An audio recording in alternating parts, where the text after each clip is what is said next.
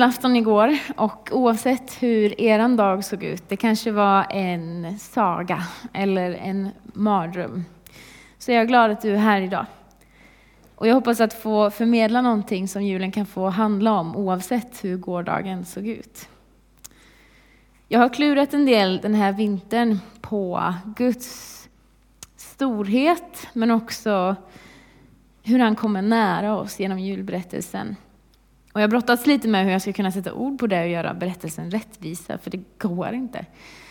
Ehm, men vi kan väl be tillsammans först, eh, och sen ska vi läsa lite bibel. Gud, tack för att du är här en tidig morgon som denna. Och heligande, jag bara bjuder in dig att leda våra hjärtan och våra tankar så att vi kan få närma oss dig och vad du vill säga till oss idag. Öppna våra hjärtan för det här. Amen. Jesaja kapitel 57 kan du få följa med till om du har en bibel med dig. Vi ska hoppa bakåt i tiden. 700 år innan Jesus föddes. Och det är Jesaja som förmedlar Guds budskap till hans folk. Som har vänt Gud ryggen, inte bara en gång, utan under många hundra års tid. Och vi läser från kapitel 57, Jesaja 57, vers 15 och framåt.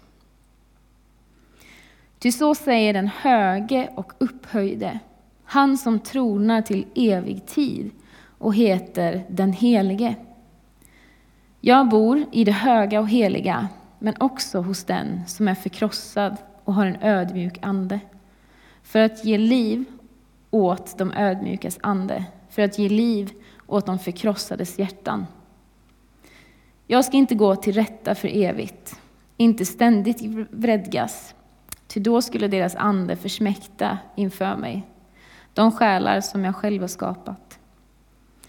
För hans girighetssynd var jag vred, jag slog honom och dolde mig i min vrede, men han vände sig bort och gick den väg han själv ville.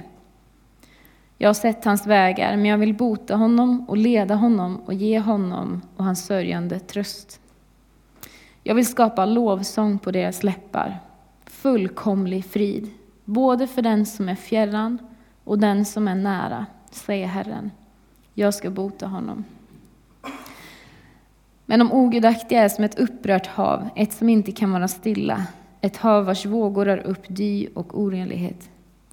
Det finns ingen frid för de ogudaktiga, säger min Gud.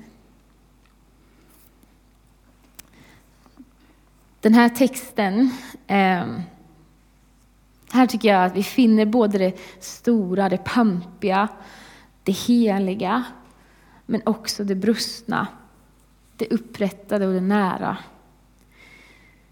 Och som sagt så adresseras just Guds folk i den här texten.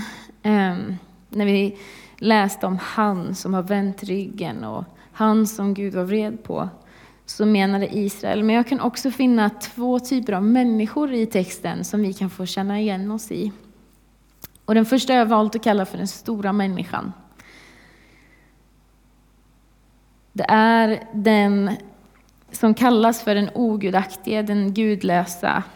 Alltså den som sätter sin trygghet och sin tillit till annat än Gud, till materiella ting, till egna storverk och egna, liksom, egen godhet, men även kanske andra gudar som det också var på den här tiden.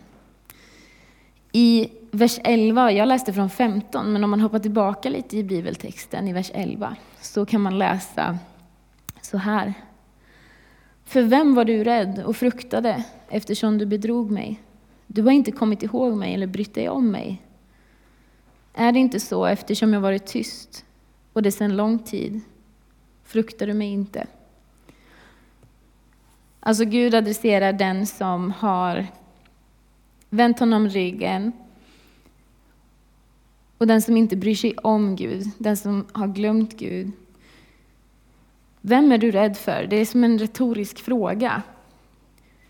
Ja, inte är mig i alla fall, säger Gud. Och det kan man ju tycka är en bra sak. Men jag tror Gud menar, du är rädd för någonting annat. Och någonting annat vi kan vara rädda för när vi inte har respekt för en helig Gud är just människor. Vad ska de tycka om mig? Hur ska jag göra om jag inte lyckas? Hur ska jag bli någon i den här världen? Eller hur ska jag lyckas behålla min egen värdighet i en värld bland andra människor som också ska ha sin värdighet? I Ordspråksboken kapitel 29, vers 25 så kan man läsa att människofruktan har med sig snaror, men den som förtröstar på Herren blir beskyddad. Den stora människan har trygghet i sin egen storhet, sin egen godhet och sina verk. Och ibland så dras vi till den storheten, till äran som finns i den storheten. Och det som ser stort ut på ytan, innan vi har lärt känna det ordentligt. Men fortsätter vi i vers 12 så kan vi läsa hur Gud säger, men jag ska visa dig hur det är med din rättfärdighet och med dina verk. De kommer inte hjälpa dig. Ytterst sett, när allt kommer till kritan, så är det inte våra försök till godhet som kommer hjälpa oss. Och här vill jag presentera den andra människan som Gud adresserar i texten. Den lilla människan. Och jag känner igen här karaktärer från julevangeliet. Sakarias, den gamle mannen som fick ett barn trots att han inte borde kunnat få ett barn. Maria, tonåringen som fick uppdraget att föda världens frälsare. Herdarna, som var de lägsta i samhället eh, på något sätt. De fick uppdraget att vara de första att få träffa jordens räddare. Men också de som skulle få uppdraget att då sprida nyheten också. De som ingen annan lyssnade till i vanliga fall. Man kan tycka att det är storheter, det är ju de vi berättar om 2000 år senare.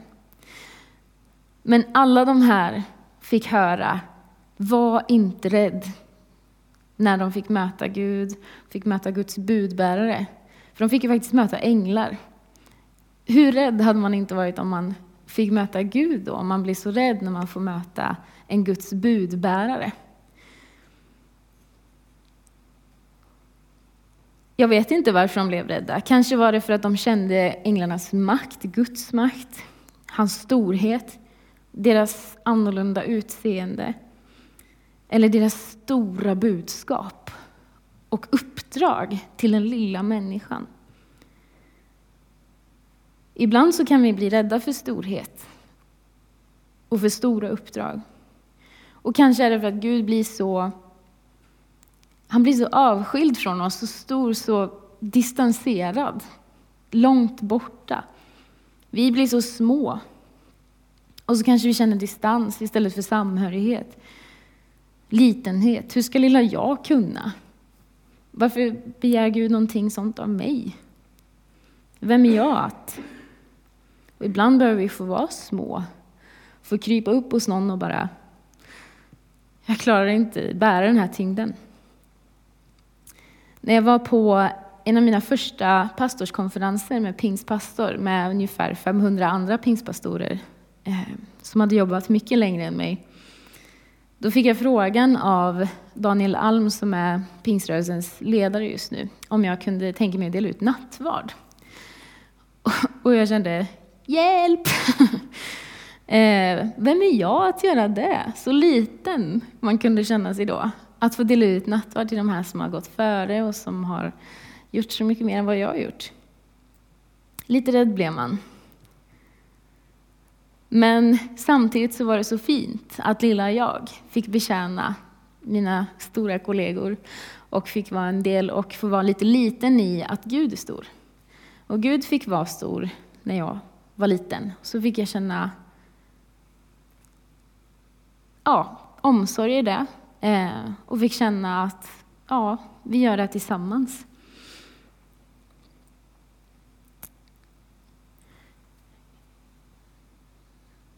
Storheter som möter småheter.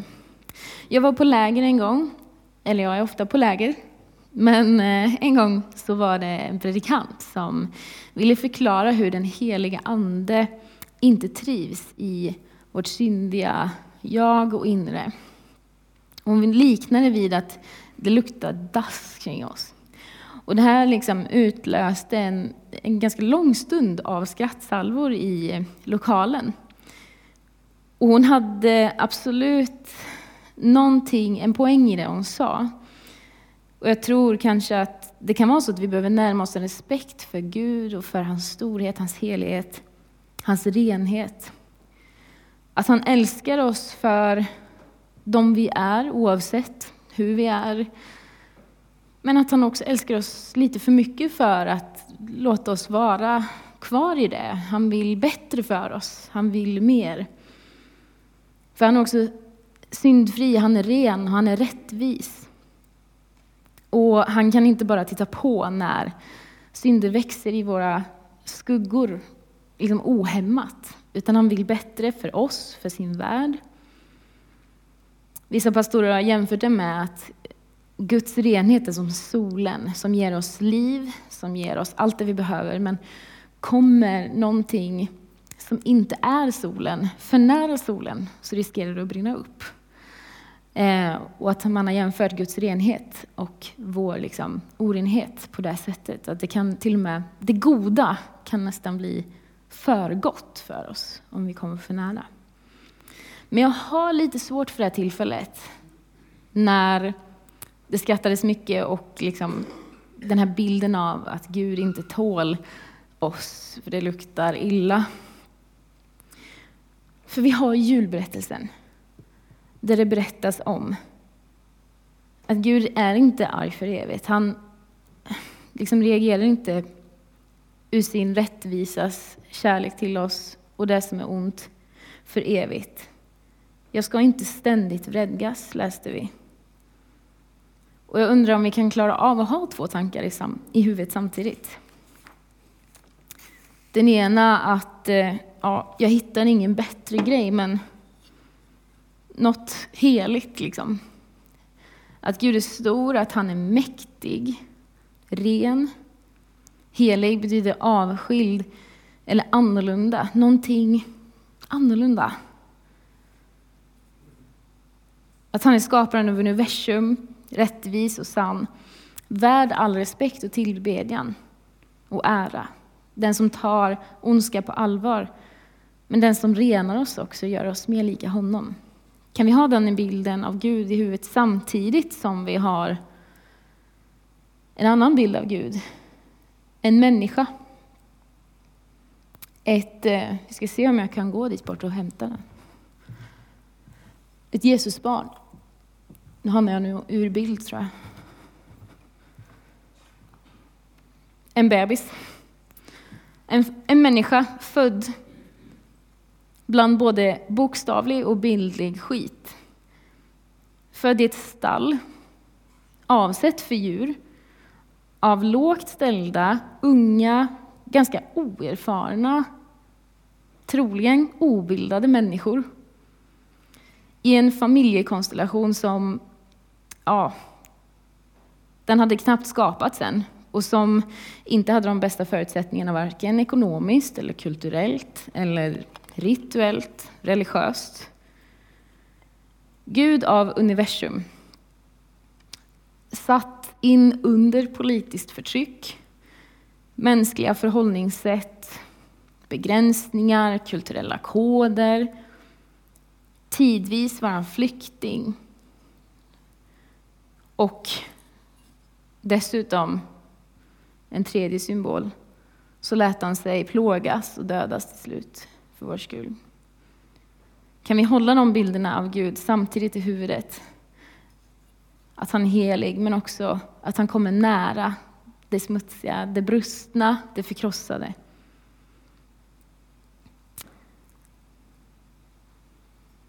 I julens sammanhang så kan jag inte låta bli att tänka på att ordet helig har så mycket med hel att göra. Det betyder inte hel, men jag tänker att det är så nära varandra. Gud är helt mäktig, han är helt ren. Han är odelad, avskild från synd. Och är det någonting jag tänker man saknar som människa ibland, är det att få känna sig hel. Vi känner oss ofta splittrade, lite trasiga, veliga, kluvna, lite hit, lite dit. Oroliga inombords. Vi saknar frid. Vi har inte alltid fred med varken oss själva, eller med andra, eller med Gud. Och när vi inte har fred med någon av de här parterna så känner vi av det. Det gör ont. Men Gud kommer med ett budskap om hopp till världen. I både Gamla Testamentet, där vi läste i början, och i Nya Testamentet, både i julevangeliet men också andra texter. Vi ska läsa tre av dem.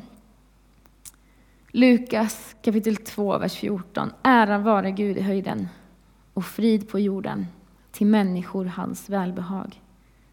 Det här är det änglarna liksom sjunger ut när Jesus föds. Frid på jorden till människor hans välbehag. Och Jesaja, som vi läste förut, kapitel 57, vers 19. Jag vill skapa lovsång på deras läppar, fullkomlig frid för den som är fjärran, alltså långt borta, och den som är nära, säger Herren. Och så har vi Efesiebrevet som liknar det väldigt mycket. Så skulle han, alltså Jesus, i en enda kropp försona båda, de båda med Gud genom korset, sedan han där hade dödat fiendeskapen. Han har kommit och predikat frid för er som var långt borta och för er som var nära. Ty genom honom har vi båda i en och samma ande tillträde till Fadern. Alltså är ni inte längre gäster och främlingar, utan medborgare tillsammans med de heliga och tillhör Guds familj. När Gud inkarneras, blir kött, inte bara ande, då ger han hela mänskligheten en chans att bli hel. Han liksom jag vet inte hur, om ni ser det som jag, men det blir helt på något sätt. Ande, människa blir helt. Vi får vara heliga med Gud och med varandra. Det är inte längre Gud avskild med människa, utan tillsammans. Gud ger den största gåvan, sig själv, sin son, och sluter fred med och helar bandet till den här världen. Där synden visserligen inte får plats, men det är liksom Gud som närmar sig syndaren och löser det på något mysteriumsätt. Men inte tvärtom, att det är människan som ska se till att lösa det, utan det är Gud som kommer till människan. Gud hela relationen mellan sig och människan och sin skapelse. Och i Jesus gör han människan hel, en andlig och kroppslig enhet. Och så kan en splittrad människa få frid i Jesu namn. Och det var det är slutet på min predikan. Eh, jag tänker om du vill så får du gärna vara med och läsa en bön som avslutning. Många känner igen den från barnsben. Jag tycker att den här bönen är så bra hela livet. För då får vi vara små i Guds storhet. Och så kan vi hitta mod att också få utföra hans stora uppdrag och verk på den här jorden. Och det är Fader vår, eller Gud som haver, heter den. Ehm. Så jag läser och ni får gärna vara med mig. Gud som haver barnen kär, se till mig som liten är. Vart jag mig i världen vänder står min lycka i Guds händer. Lyckan kommer, lyckan går, du förbliver Fader vår. Amen.